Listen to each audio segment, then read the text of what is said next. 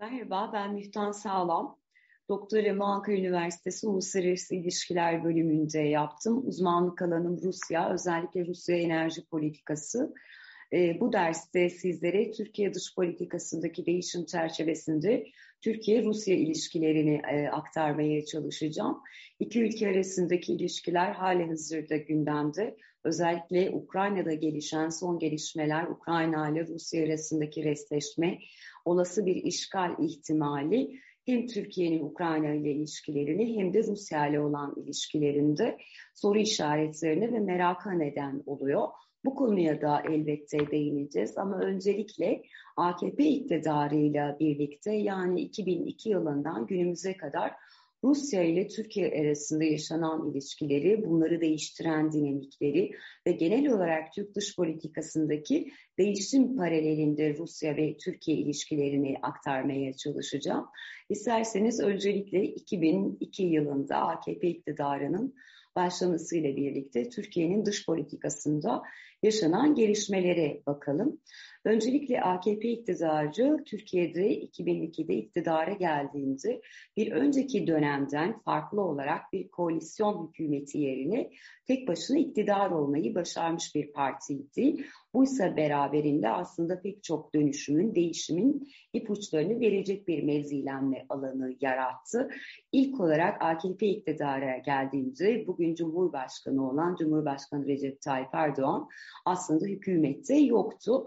Onun yerine başbakanlık görevini daha önce Dışişleri Bakanlığı da yapmış olan Abdullah Gül üstlendi. Kısa süre sonra Siirt'te seçimlerin yenilenmesiyle birlikte Recep Tayyip Erdoğan milletvekili olarak seçildi ve başbakan olarak göreve geldi. Söz konusu dönemde Dışişleri Bakanlığı'na da kendisi milletvekili seçilene kadar Abdullah Gül e, yer almıştı. O Dışişleri Bakanı olarak göreve geldi.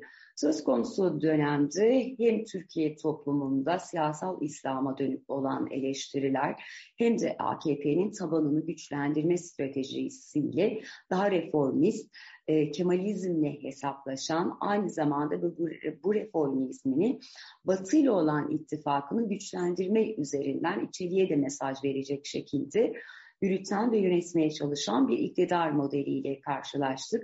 Siyasal İslam, İslamcı kimliği nedeniyle ki AKP daha önce Refah Partisi olarak bilinen bir partinin devamı olarak ondan kopmuş olan ve yenilikçiler olarak anılan kanadın temsilcilerinden oluşan aslında bir anlamda yapısı içerisinde mütedeyyin ve mütedeyyin sağı birleştiren bir oluşum olarak sahneye çıktı.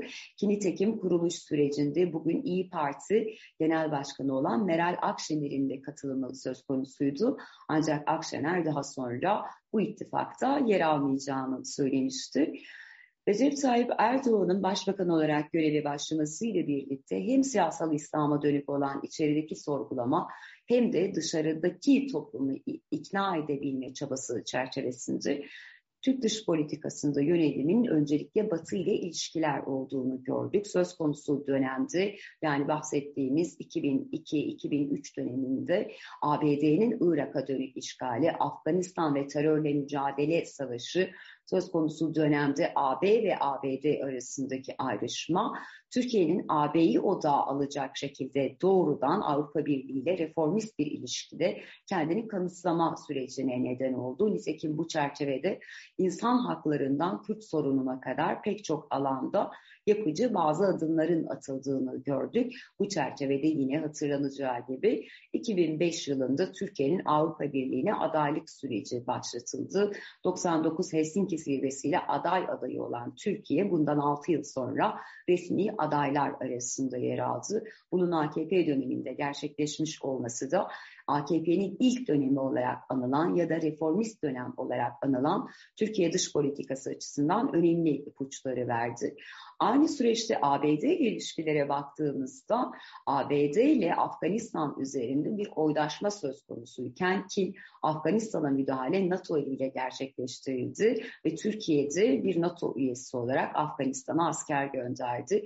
Tıpkı Türkiye gibi Rusya'da aslında söz konusu dönemde özellikle İslami terörle mücadele çerçevesinde ABD'nin Afganistan'daki operasyonlarına askeri olarak değilse de maddi olarak destek verdi. Orta Asya'da benzer bir biçimde ABD'nin geçici olarak Orta Asya ülkelerinde örneğin Kırgızistan'da üstler açmasına izin verildi.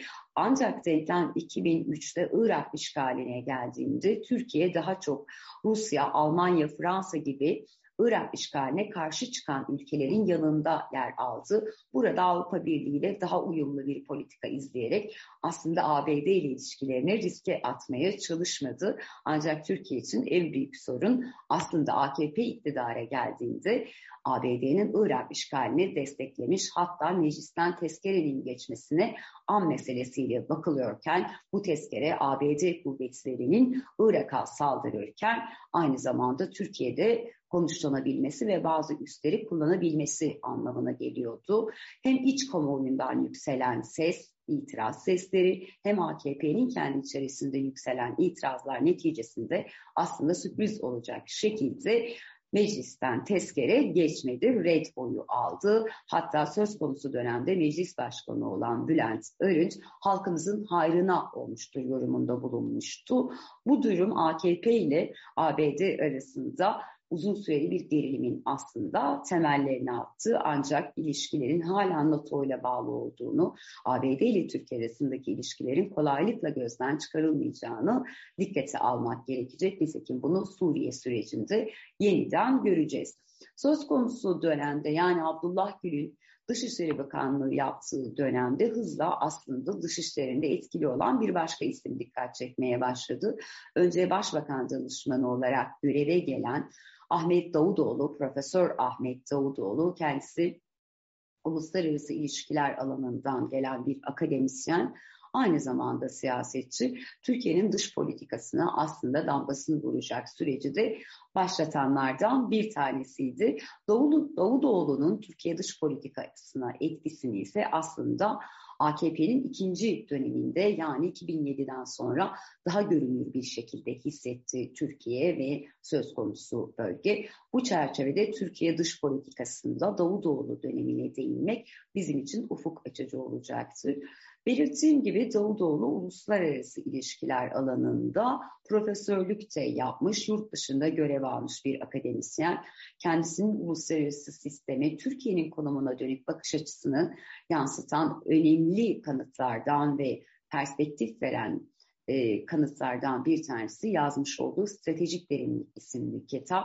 Söz konusu kitapta Türkiye'nin özellikle Osmanlı mirasına vurgu yapılmakta ve coğrafi ve tarihi derinlik üzerinden Osmanlı İmparatorluğu'nun daha önce etkin olduğu coğrafyalarda Türkiye'nin bazen ritmik ya da proaktif diplomasi olarak da adlandırılacak olan politikalarla henüz sorun ortaya çıkmadan ya da Türkiye'nin söz konusu sorunlara ara buluculuk yaparak ya da burada mevzilenerek sürecin bir parçası olması, görünürlüğünü ve küresel gücünü pekiştirmesi anlamına gelecek bir politika. Bu, bu Türkiye dış politikası açısından aslında bir kırılmayı sembolize ediyor. Soğuk Savaş boyunca Türkiye dış politikası aslında Batı eksenine yaslanmış, orta büyüklükte bir devletin hegemon güçle paralel hareket edecek, güvenliğini önceleyecek ve daha çok Avrupa Birliği ve ABD ile uyumlu politikalar yürütmesine kapı açan bir politika, politikaydı.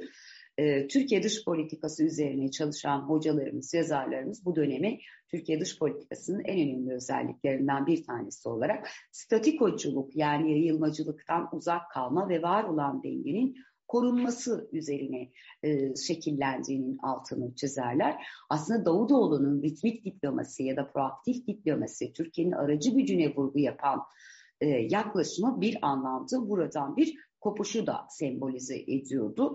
Ancak Davutoğlu sadece bu kopuşla değil, kendisinin oluşturmuş olduğu dış politika yaklaşımını bir süre sonra Dışişleri Bakanlığı koltuğuna geldiğinde daha aktif bir şekilde üstlendiğini gördük. İktidar değişimi ve Davutoğlu faktörüyle birlikte Türkiye dış politikasında yumuşak güç, komşularla sıfır sorun, çok yönlü diplomasi, proaktif ön alıcı diplomasi ve ritmik diplomasi olarak anılabilecek beş tane ilkenin ön plana çıktığını gördük. Yumuşak güçten kasıt aslında genel olarak uluslararası ilişkiler literatüründen de hatırladığımız üzere askeri araçlar yerine ekonomik ve kültürel araçların daha ön planda olduğu bir politikanın uygulanması anlamına geliyordu.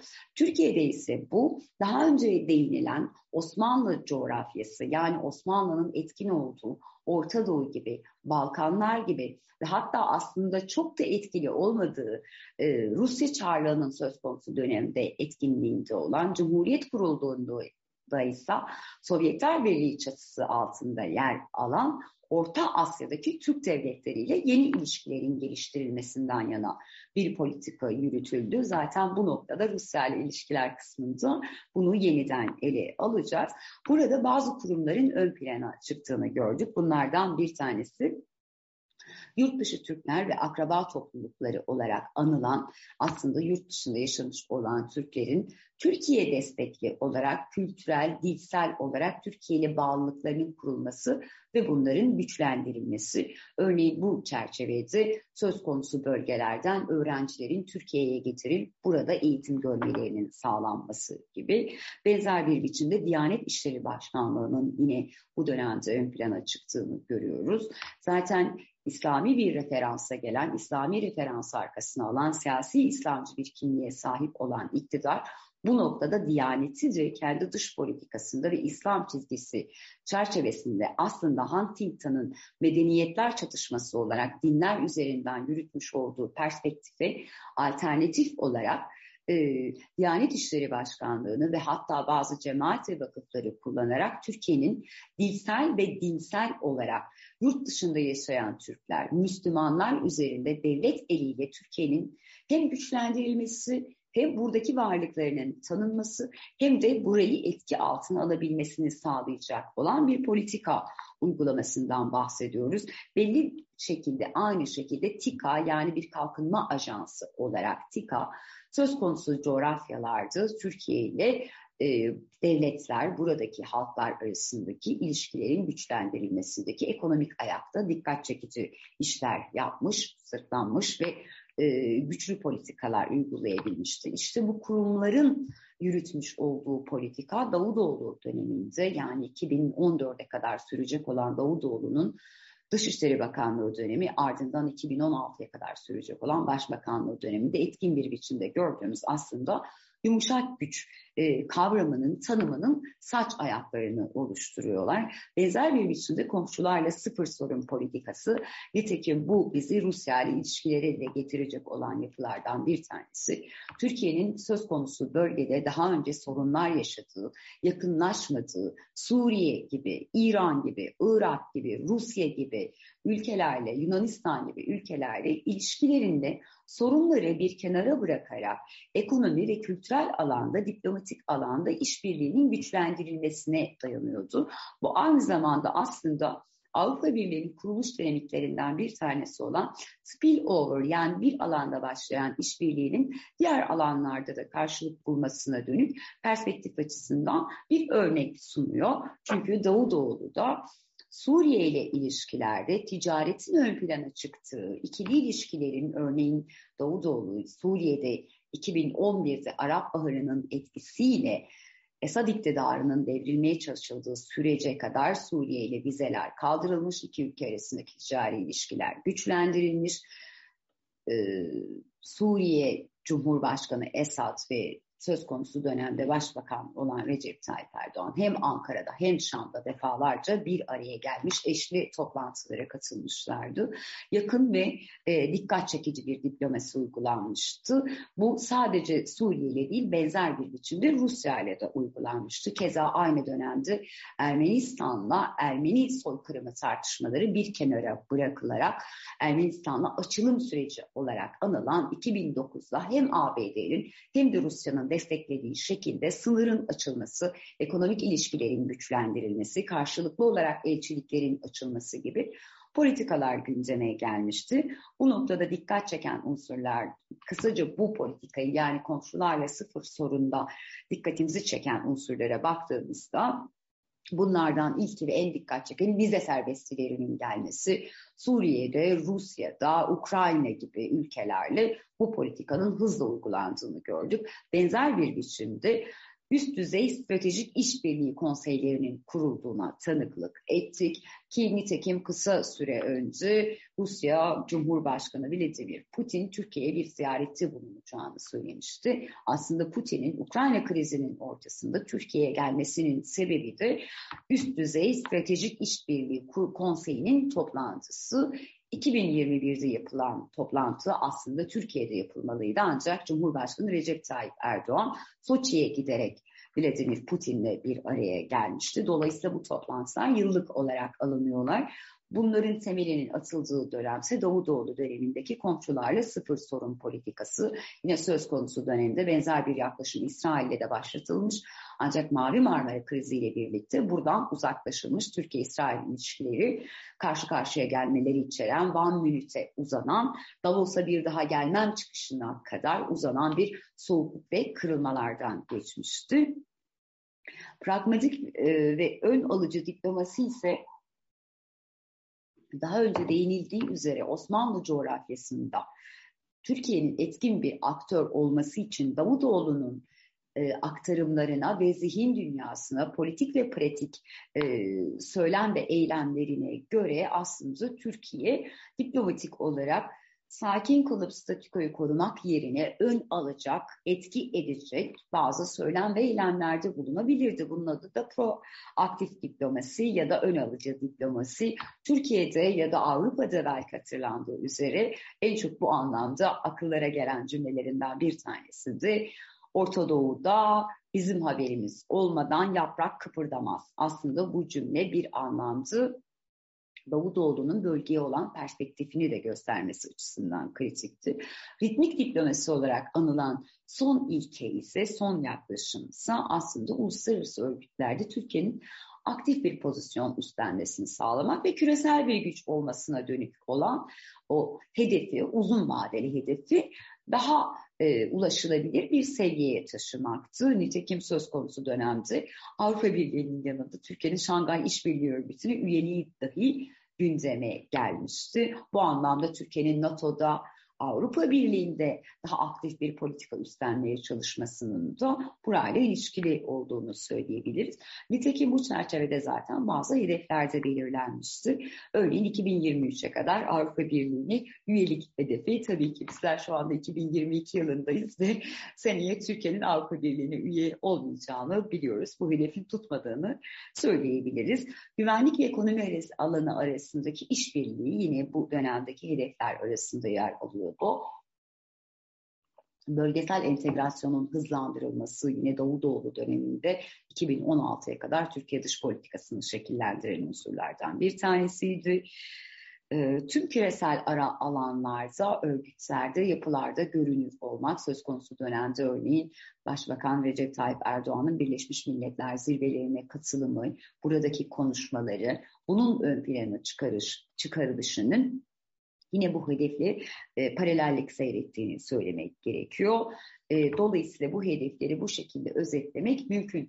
Nitekim 2011 e, Arap Baharı'na kadar da bu süreç böyle yürütüldü. Ancak Arap Baharı ile birlikte Türkiye'nin özellikle Orta Doğu bölgesinde hem Neo Osmanlıcılık olarak anılan yani Osmanlı'dan kaldığı iddia edilen kültürel ve tarihsel mirası yeni araç ve politikalarla cesaretlendirme girişimi aynı dönemde ABD'nin Irak işgali sonrasında küresel kamuoyunda görmüş olduğu tepkiyi dikkate alarak perde arkasından yönetme yani herhangi bir aktörü ortaya çıkararak kendisinin geride olduğu ancak koordine ettiği bir dış politikaya e, kapı aralamıştı. Bu aslında Türkiye'nin söz konusu dönemde bölgesel güç olma politikasına da uyumluydu. Yani Türkiye aslında bu politikayı uygularken Arap Baharı sürecinde ABD'den kopuk değil aslında tam da onun da küresel hedefleriyle uyumlu e, bir politika izledi ve desteklendi. Örneğin Mısır'da İhvan hareketiyle kurmuş olduğu ilişkiler, benzer bir biçimde Suriye'de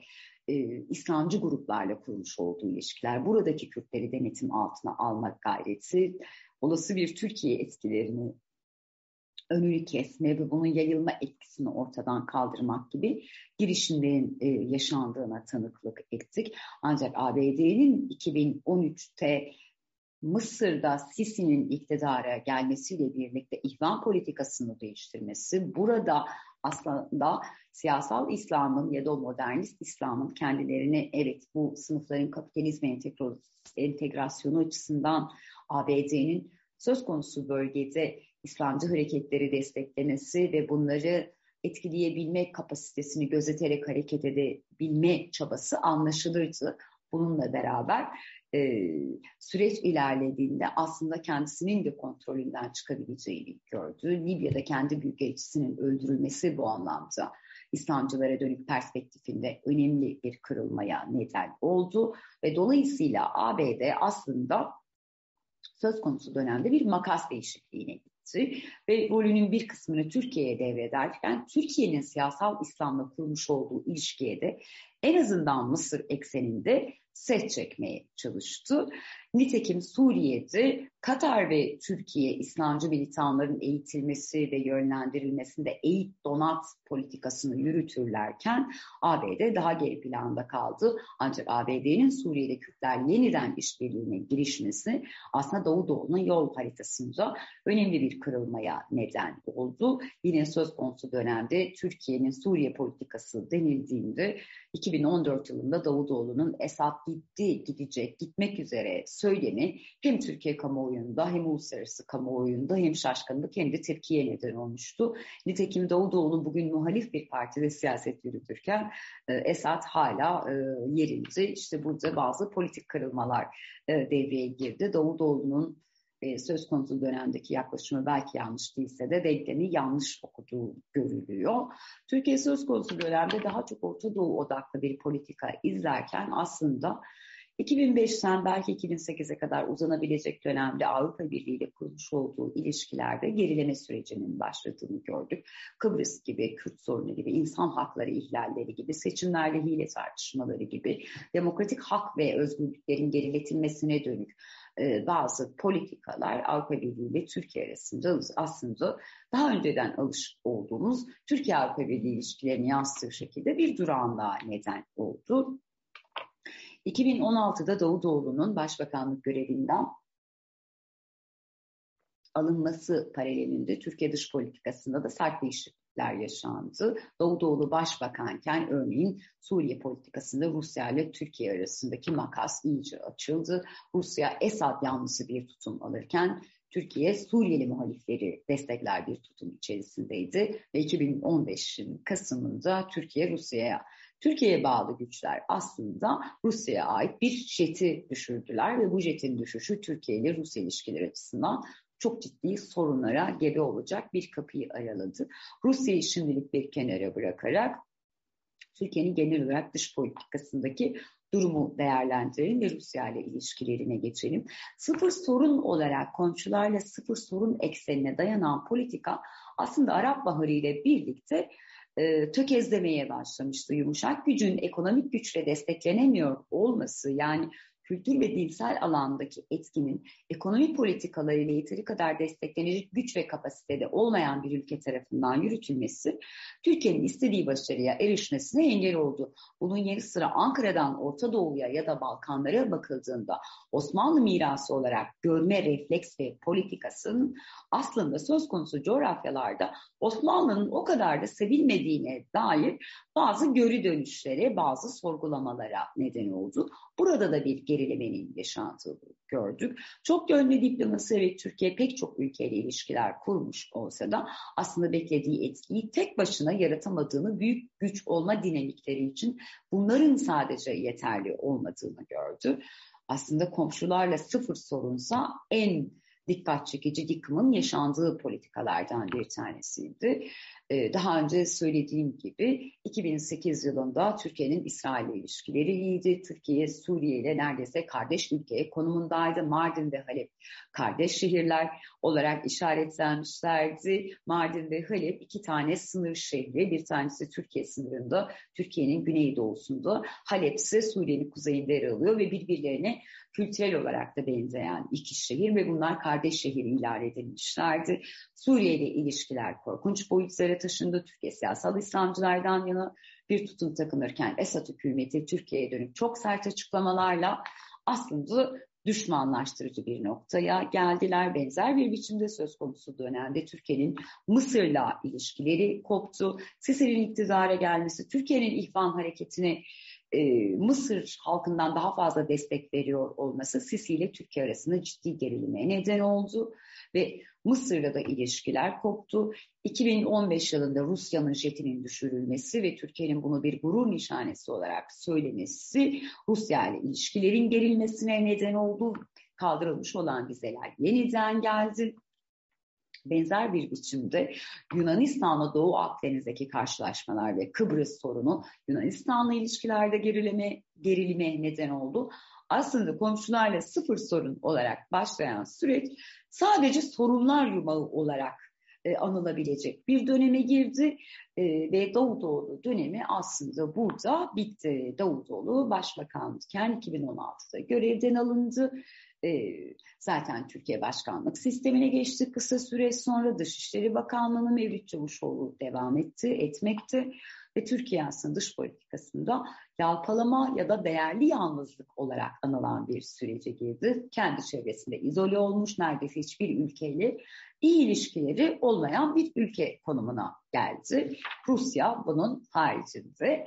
Ee, söz konusu dönemdeki bu kırılmalar ve yalnızlık ABD'de Trump iktidarıyla birlikte Türkiye ve ABD ilişkilerinde Erdoğan ve Trump arasında özel ilişkiler yaratsa da Trump'ın Kürt'e vermiş olduğu değer İsrail yanlısı tutumu aslında ilişkilere belli bir sınır çekti ve bu dönemde Türkiye'nin özellikle Suriye'yi kullanarak ABD'ye karşı Rusya, Rusya'ya karşı ise ABD pozunu oynayarak aslında ipteki bir cambaz gibi hareket ettiğini tanıklık ettik. Bir yandan Rusya, NATO üyesi bir ülke olarak Rusya'dan S-400 savunma füzeleri alırken bir yandan burada NATO ile karşı karşıya gelmeyi göz alırdı. Ancak ittifakın içerisinde yer aldı. Avrupa Birliği ile ilişkiler tamamen tıkanma noktasına geldi ve nitekim buradaki sıkışma özellikle Doğu Akdeniz bölgesinde e, Avrupa Birliği ile Türkiye arasında Türkiye'nin buraya e, savaş gemileri ve donanmalarla deniz etki alanları tartışmasına müdahil olması, Mavi Vatan tezini savunması ABD ile hem ABD hem AB ile Türkiye'nin ilişkilerine, ilişkilerinin gerilmesine neden oldu. Ve aslında Türkiye Biden yönetiminin iktidara gelmesiyle birlikte dış politikasında yeni bir güncellemeye giderek komşularıyla yeniden ilişki ve normalleşme sürecine girmeye başladı. Bunun ilk emaresi Birleşik Arap Emirlikleri ile 2021 yılında başladı. Yakın dönemde e, Cumhurbaşkanı Erdoğan'ın benzer bir biçimde Suudi Arabistan'a bir ziyareti olması bekleniyor. Mısır ile Türkiye ilişkilerinde iki ülke arasındaki heyetler yeniden görüşmeye başladı.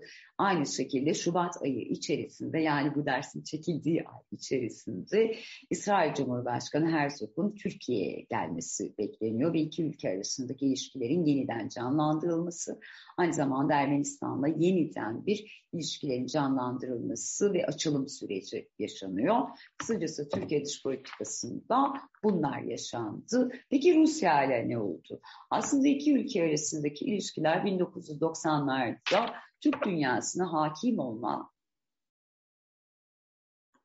1990'larda Türkiye ile Rusya arasında SSCB'nin dağılması sonrasında aslında hem Rusya'da yaşanan kafa karışıklığı Türkiye'de de benzer bir kafa karışıklığına da neden oldu. Türkiye bir yanda Orta Asya Cumhuriyetleriyle daha önce SSCB'nin varlığı nedeniyle ilişki kuramadığı bu coğrafyayla ilişkilerini geliştirmeye çalışırken bir yandan da Rusya kuzeydeki komşusuyla uzlaşma ve anlaşma yolları aramaya çalışıyordu. Rusya yeni bir ülkeydi.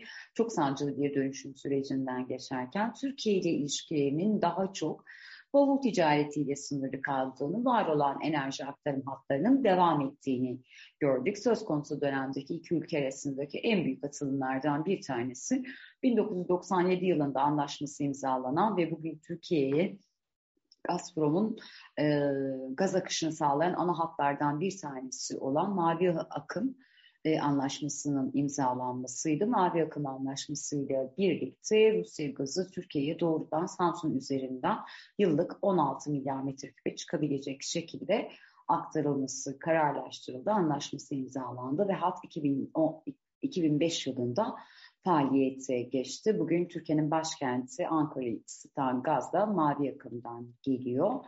Ee, bununla beraber iki ülke arasında gerginliğe neden olan Türkiye'nin aslında Rusya'nın arka bahçen yaşam alanım diye tanımlamış olduğu Orta Asya Cumhuriyetleri ile ilişkilerini geliştirirken Rusya faktörünü yeteri kadar dikkate almaması ve burada bir anlamda oyun bozucu bir aktör pozisyonuna gelmesiydi.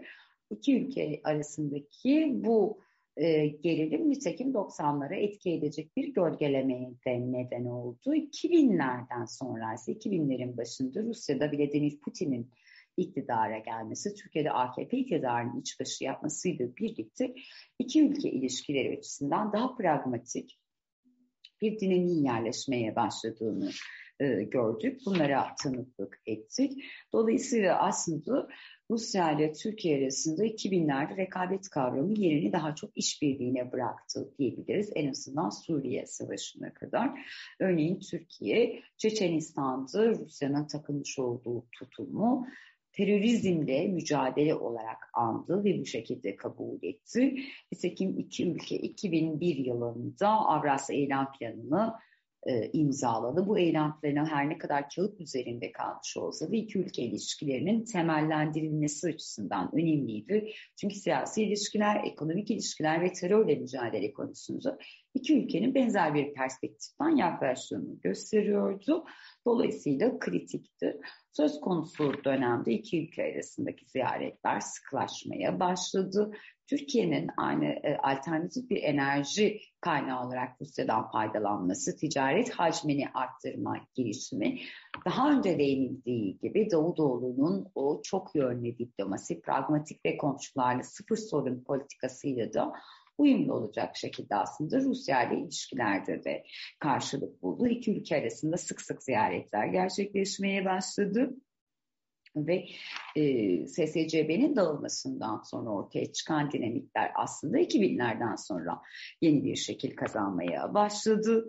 E, örneğin 2009 yılında dönemin Dışişleri Bakanı, dönemin Cumhurbaşkanı Abdullah Gül'ün Moskova ziyareti Tataristan'a uzanmış ve burada güle gösterilen ilgi Rusya ile Türkiye arasındaki liderin ziyareti gibi değil, bir devlet ziyareti, bir devlet ilişkisi olarak anılmıştı. Benzer bir biçimde 6 Ağustos'ta aynı yılın 6 Ağustos'unda Putin Türkiye'yi ziyaret etmiş. Burada iki ülke arasında özellikle enerji işbirliği alanında ciddi anlaşmalar imzalanmıştı. Türkiye'li yatırımcıların Rusya'daki paylarının arttırılmasına, işlerin kolaylaştırılmasına dönük girişimler yine bu süreçte yapıldı. Hatırlatmak gerekir ki özellikle inşaat sektörü Rusya'da etkin bir pozisyona sahip ve Türkiye'li müteahhitlerin neredeyse gelirlerinin dörtte biri Rusya'da yapmış oldukları projelerden, çalışmalardan geliyor. Dolayısıyla Rusya aslında Türkiye inşaat sektörü açısından kritik bir e, sektör ve bu ziyaretlerle de bunlar taçlandırıldı. Putin'in aslında bu 2009 ziyareti aynı dönemde Avrupa Birliği ile Türkiye'nin de dahil olduğu Rusya'ya karşı alternatif enerji kaynakları geliştirme sürecinde gündeme gelen Nabucco projesinin olduğu döneme denk geldi. Nabucco ile doğmuş bir proje olmakla birlikte bugün Türk akım olarak anılan 2016 yılında anlaşması imzalanan e, boru hattının da aslında temellerinin 2009 yılında Putin'in Ankara ziyaretiyle gerçekleştiğini söylemek gerekiyor. Yine dediğim gibi inşaat özellikle buradaki sohbetin ana konusuydu. İki Erdoğan'ın 2010 yılında yeniden Rusya'ya gitmesiyle beraber de Rusya-Türkiye arasındaki enerji ilişkilerinde aslında yeni bir dinamik harekete geçti. Nükleer alanda işbirliği. Türkiye 2010 yılına kadar Rusya ile aslında petrol kömür ve doğal gaz alanında zaten bir enerji ilişkisine sahipti. Rusya burada da önemli bir paya sahipti. 2010 yılında iki ülke Erdoğan'ın ziyaretiyle gündeme gelen bu süreç 2010'un aynı yıl içerisinde Türkiye Cumhuriyeti ile Rusya Federasyonu arasında yapılan anlaşmayla Akkuyu'da bir nükleer santralin Rusya eliyle, Rosatom eliyle inşaatına e, onay ve izin verdi.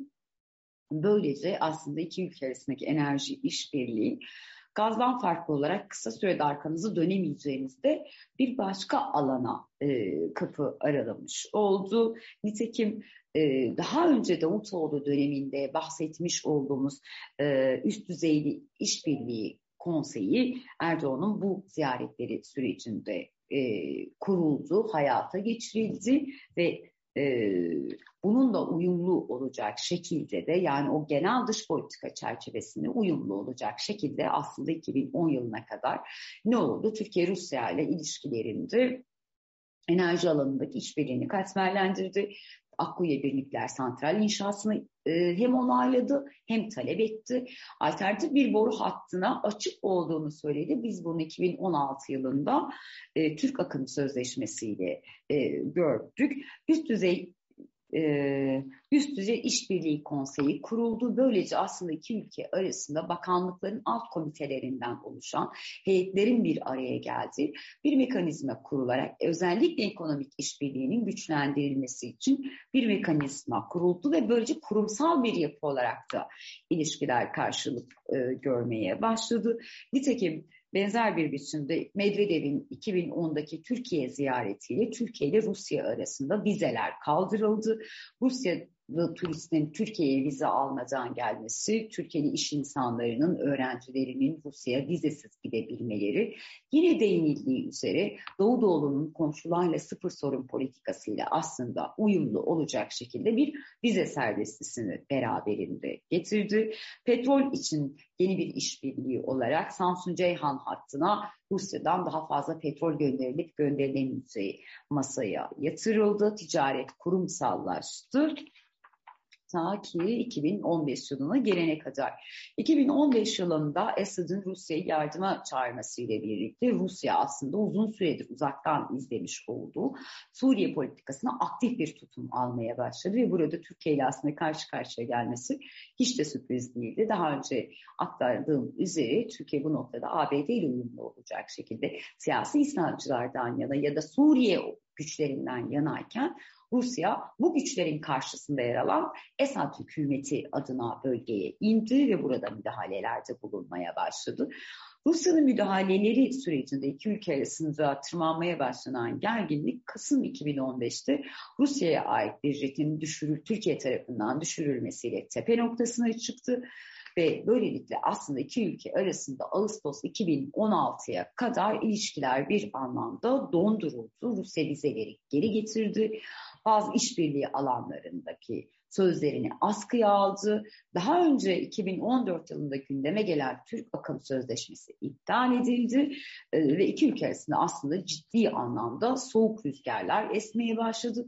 Türk iş insanlarına, Türk öğrencileri, e, Rusya'da ciddi yaptırımlar uygulandı, deport politikaları yapıldı, Rusya'dan turistin gelmesi engellendi ve böylece Türkiye ekonomisi aslında ciddi anlamda da yere aldı. Nitekim 2016 yılında Türkiye'de 15 Temmuz'da darbe girişiminin olması aslında bunun öncesinde Haziran 2016'da Cumhurbaşkanı Erdoğan yaşamını jetin düşürülmesi sürecinde yaşamını yitiren pilotun ailesinden özür dileyen bir mektup kaleme almasıyla iki ülke arasındaki ilişkilerin e, üzerindeki sis perdesi biraz dağılmıştı. Türkiye'de 15 Temmuz'da darbe girişiminin gerçekleşmesi, Rusya'nın bu noktada Türkiye'ye hemen desteğini ilan etmesi dağılmaya başlayan sisin daha hızlı bir biçimde dağılmasını sağladı. Ve nitekim Ağustos 2016'da Cumhurbaşkanı Erdoğan'ın Rusya ziyaretiyle birlikte iki ülke arasında daha önce tıkanmış olan bazı alanlar yeniden açılmaya başladı. İki ülke Suriye konusunda farklı düşündüklerini konusunda hemfikir olduklarını belirttiler. Birbirlerinin canını sıkmama, birbirleriyle karşı karşıya gelmeden bu süreci yönetme yönünde irade ortaya koyacaklarını söylediler. Nitekim Aslan Üçlüsü olarak anılan İran, Türkiye ve Rusya'dan oluşan üçlünün zemini buradan atıldı.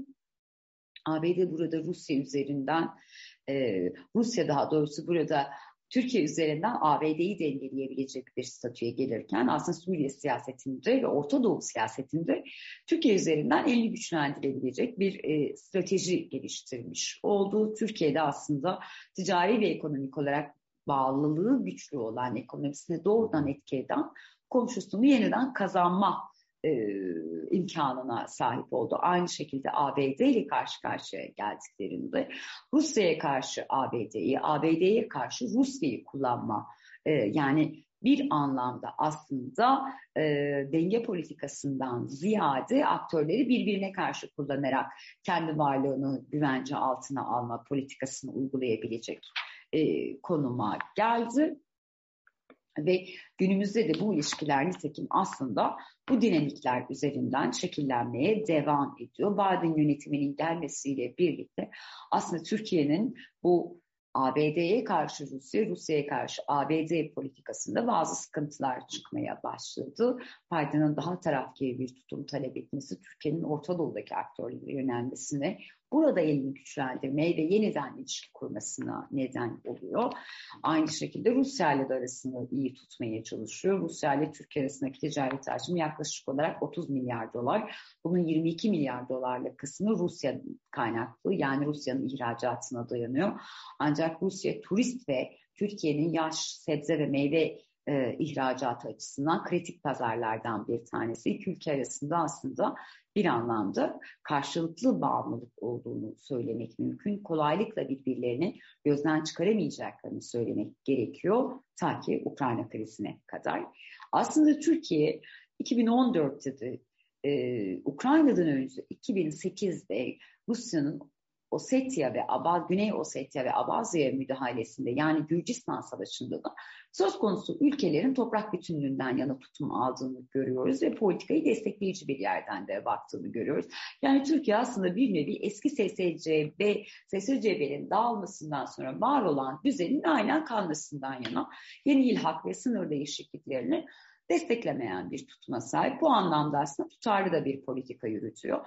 Dolayısıyla 2008'de nasıl ki e, Güney Ossetya ve Abazya'yı tanımadıysa e, benzer bir biçimde 2014'te e, Kırım'ın ilhakı sürecinde Rusya'nın bu eylemini de desteklemedi ve Ukrayna'nın toprak bütünlüğünden yana olduğunu söyledi. Bununla beraber özellikle Karadeniz bölgesinde ABD'nin doğrudan etkin NATO eliyle etkin olmasının önüne geçerek hem Montreux'u hem de Rusya'yı dışta Montreux'u koruyarak Rusya'yı dışta tutmayacak e, bir dengeleme politikası yürüttüğü için de aslında Rusya ile de güvenlik perspektifinde arasının iyi olduğunu söylemek gerekiyor. Ancak Türkiye hali hazırda Ukrayna ile ilişkilerinde mesafe kat etmiş ülkelerden bir tanesi. Özellikle insansız hava araçlarının e, Türkiye tarafından Ukrayna'ya satılıyor olması, iki ülkenin birlikte uçak ya da gemi yapma girişimleri Rusya tarafından aslında dikkatle izleniyor. Hatta Rusya bunun Türkiye ile Ukrayna'nın NATO'yu hazırlanması olarak da e, NATO üyeliğine hazırlanması olarak da görüyor. Sadece şu ana kadar dikkat uyarısında bulunmakla yetinmişti. Bununla beraber iki ülke arasında gittikçe askeri gerilimin, tansiyonun yükseldiği görüldüğünde Türkiye'nin daha ara bulucu bir tutum almaya çalıştığını çünkü iki kuzey komşusu arasında çıkacak olan bir savaştan en başta kendisinin doğrudan etkilenebildiğini, bunun hem Türkiye ekonomisi açısından hem güvenliği açısından Türkiye'nin aslında kaldıramayacağı bir yük olduğunu farkında. Nitekim bu çerçeve Türkiye'nin e, hem Putin'le görüşerek hem benzer bir biçimde Ukrayna Cumhurbaşkanı Zelenski ile sık sık bir araya gelerek doğrudan ya da dolaylı olarak e, diplomasi kanallarını kullanarak aslında hem yatıştırıcı bir rol hem de kendisinin arada kalmasını önleyici bir politika izlemeye çalıştığını görüyoruz. Çünkü iki ülkeyle de ilişkileri gelişkin, komşularla sıfır sorun değilse de e, belirli sorunları bir kenara bırakarak hareket etme politikası yürüttüğünü görüyoruz. Ama şunu söyleyebiliriz iki ülke arasında yaşanacak olası bir gerilim, bir işgal durumunda Türkiye'nin e, bundan en fazla zarar alacak ülkelerden birinin e, kendisi olacağının ayırdığında olduğunu biliyoruz. Savaş ihtimalinin kendisi bile Örneğin Türkiye'nin en büyük borsası Borsa İstanbul'da yüzde beşlere varan düşüşlere neden olabiliyor. O nedenle zaten kırılgan bir durumda olan Türkiye ekonomisi açısından bu işgalin ya da bu senaryonun hayata geçmemesi kritik önemde yer alıyor. Daha yatıştırıcı bir politika izlemesinin gerekçelerinden bir tanesinin de bu olduğunu söyleyebiliriz. Rusya ile Türkiye ilişkilerini kısaca özetleyecek olursak o dış politikadaki genel seyirle birlikte vize serbestisinin yeniden gündeme geldiği, enerji ilişkilerinin yeni hatlarla, yeni işbirliği alanlarıyla taçlandırıldığı, ekonomik olarak ticaret hacminin günden güne arttığı, Orta Doğu'da en azından birbiriyle karşı karşıya gelmeme politikası çerçevesinde hareket edildiği, üst düzey işbirliği, stratejik işbirliği konseyinin e, işlerliğini sürdürebildiği bir dinamikle, bir kurumsallaşmayla e, ilerlediğini görüyoruz. Türkiye aynı zamanda Rusya'dan savunma sistemi alarak aslında e, Rusya'ya olan e, yakınlığını da ortaya koymuş oldu. Ancak bunu bir NATO üyesi olarak yapıyor olması Rusya açısından zaten yeteri kadar kıymetli. Böylece NATO Rusya yerine Türkiye'nin bu politikasını tartışabildiği yıllarca tartıştı. Dolayısıyla Rusya açısından da Türkiye'nin bu anlamda değerli bir e, varlık, değerli bir ülke olduğunu söylemek gerekiyor. İki ülke arasındaki ilişkiler en azından şu anda ciddi sorunlara gebe görünmüyor. Ancak Ukrayna'da yaşanacak olan bir işgal e, bu denklemi bütün dünyada olduğu gibi Türkiye-Rusya ilişkilerinde de denklemi değiştirebilecek bir potansiyele sahip. E, bunu da umuyoruz böyle bir şey gerçekleşmeden sadece tansiyon yükseldiğiyle ve bir süre sonra sakinleştiği bir e, dinamiğe, yapıya evrilir diyerek e, bitiriyoruz. Beni dinlediğiniz, zaman ayırdığınız için çok teşekkür ederim. Hoşçakalın.